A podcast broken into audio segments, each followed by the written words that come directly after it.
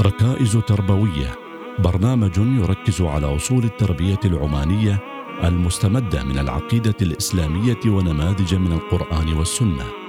مع المرشدة الدينية إيمان المسكرية من دائرة التعليم والإرشاد النسوي بوزارة الأوقاف والشؤون الدينية. بسم الله الرحمن الرحيم. الحمد لله رب العالمين. والصلاة والسلام على سيدنا محمد وعلى آله وصحبه وسلم. السلام عليكم ورحمة الله وبركاته. أهلا وسهلا بكم أعزائي المستمعين في برنامجكم ركائز تربوية. أصول وقواعد نحو جيل قرآني متميز. أعزائي المستمعين هناك سمات للمنهج التربوي للقرآن الكريم. دعونا نذكر بعضا منها وبعد ذلك نكمل قصة سيدنا نوح عليه السلام. من سمات المنهج التربوي للقرآن الكريم الربانية. فالبشرية وهي من صنع الله تعالى لا تفتح مغاليق فطرتها إلا بمفاتيح من صنع الله ولا تعالج عللها وأمراضها إلا بالدواء الذي خلقه الله سبحانه وتعالى في منهجه. قال تعالى وننزل من القرآن ما هو شفاء ورحمة للمؤمنين.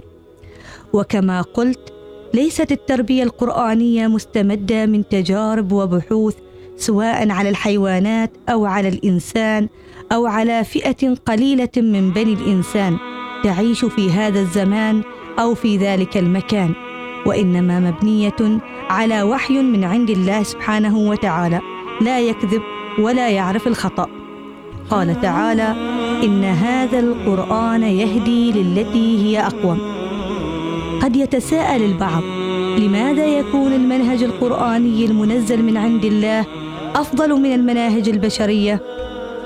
ببساطة أعزائي المستمعين لأن المنهج القرآني مستمد من عند الله سبحانه وتعالى وهو كلام الله تعالى.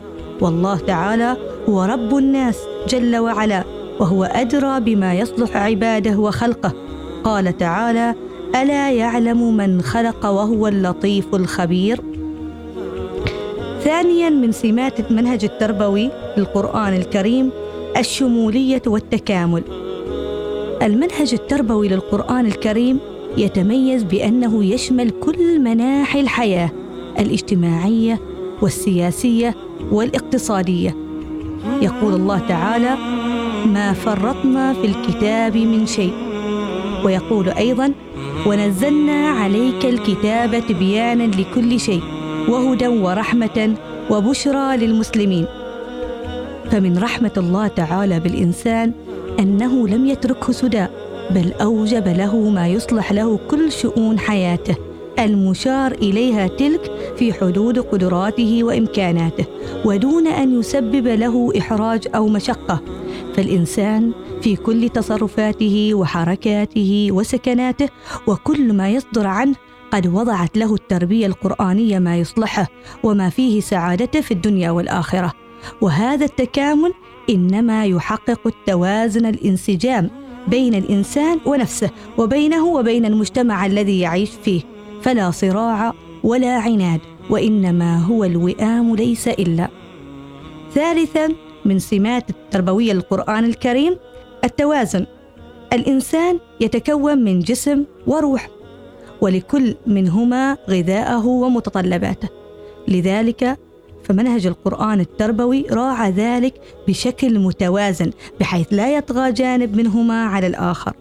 وهذا التوازن إنما هو الاعتدال والوسطية التي ينبغي أن تتصف بها الأمة القائدة الرائدة. الله سبحانه وتعالى يقول وكذلك جعلناكم أمة وسطا لتكونوا شهداء على الناس. وبهذا اختلف القرآن الكريم عن تلك المناهج التي كانت تهتم فقط بالجانب الروحي وعن أيضا في الناحية الأخرى المناهج التي كانت تهتم فقط بالجانب المادي. والآن أعزائي المستمعين دعونا نكمل قصة سيدنا نوح عليه السلام. فلنستمع إلى الآيات الكريمة. وهي تجري بهم في موج كالجبال ونادى نوح ابنه وكان في معزل. يا بني اركب يا بني اركب معنا ولا تكن مع الكافرين. قال سآوي إلى جبل يعصمني من الماء. قال لا عاصم اليوم من أمر الله إلا من رحم. وحال بينهما الموج فكان من المغرقين. وقيل يا ابلعي ماءك ويا سماء أقلعي وغيض الماء وقضي الأمر واستوت على الجودي وقيل بعدا للقوم الظالمين. ونادى نوح ربه فقال رب إن ابني من أهلي وإن وعدك الحق وإن وعدك الحق وأنت أحكم الحاكمين قال يا نوح إنه ليس من أهلك إنه عمل غير صالح فلا تسألني ما ليس لك به علم. إني أعظك أن تكون من الجاهلين. قال رب إني أعوذ بك أن أسألك ما ليس لي به علم. وإلا تغفر لي وترحمني أكن من الخاسرين. وصلنا في الآية ونادى نوح ربه. ينبغي هنا أن نلاحظ الفرق بين أن يقول الله تعالى ونادى وبين دعا وهو طبعا أن نوح عليه السلام يدعو ربه. ولكن الله تعالى عبر عن ذلك بلفظة النداء لماذا؟ لماذا الله سبحانه وتعالى عبر هنا بلفظة النداء؟ أعزائي المستمعين لأن النداء فيه جرعة الألم تكون واضحة وظاهرة وفيه حرارة الاستغاثة وقوة العاطفة فسبحان الله أساس تربوي كبير وهو العاطفة التربية السليمة ليست فقط تقوم على النصح والإرشاد والوعظ والنظريات وما إلى ذلك بل أساسها العاطفة والحب.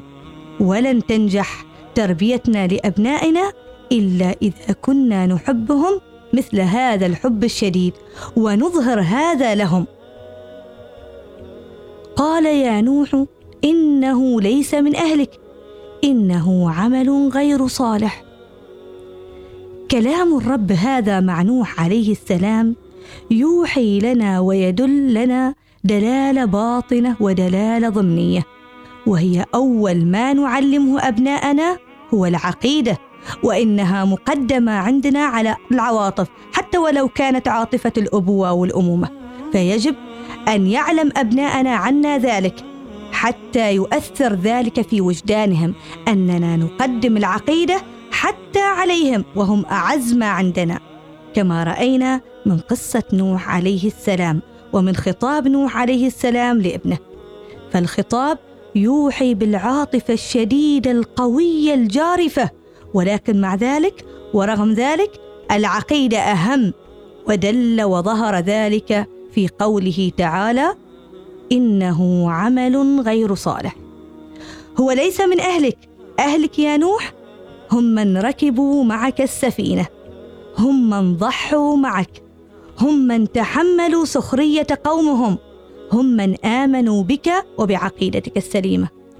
اذا أعزائي المتابعين القاعدة المستفادة العقيدة.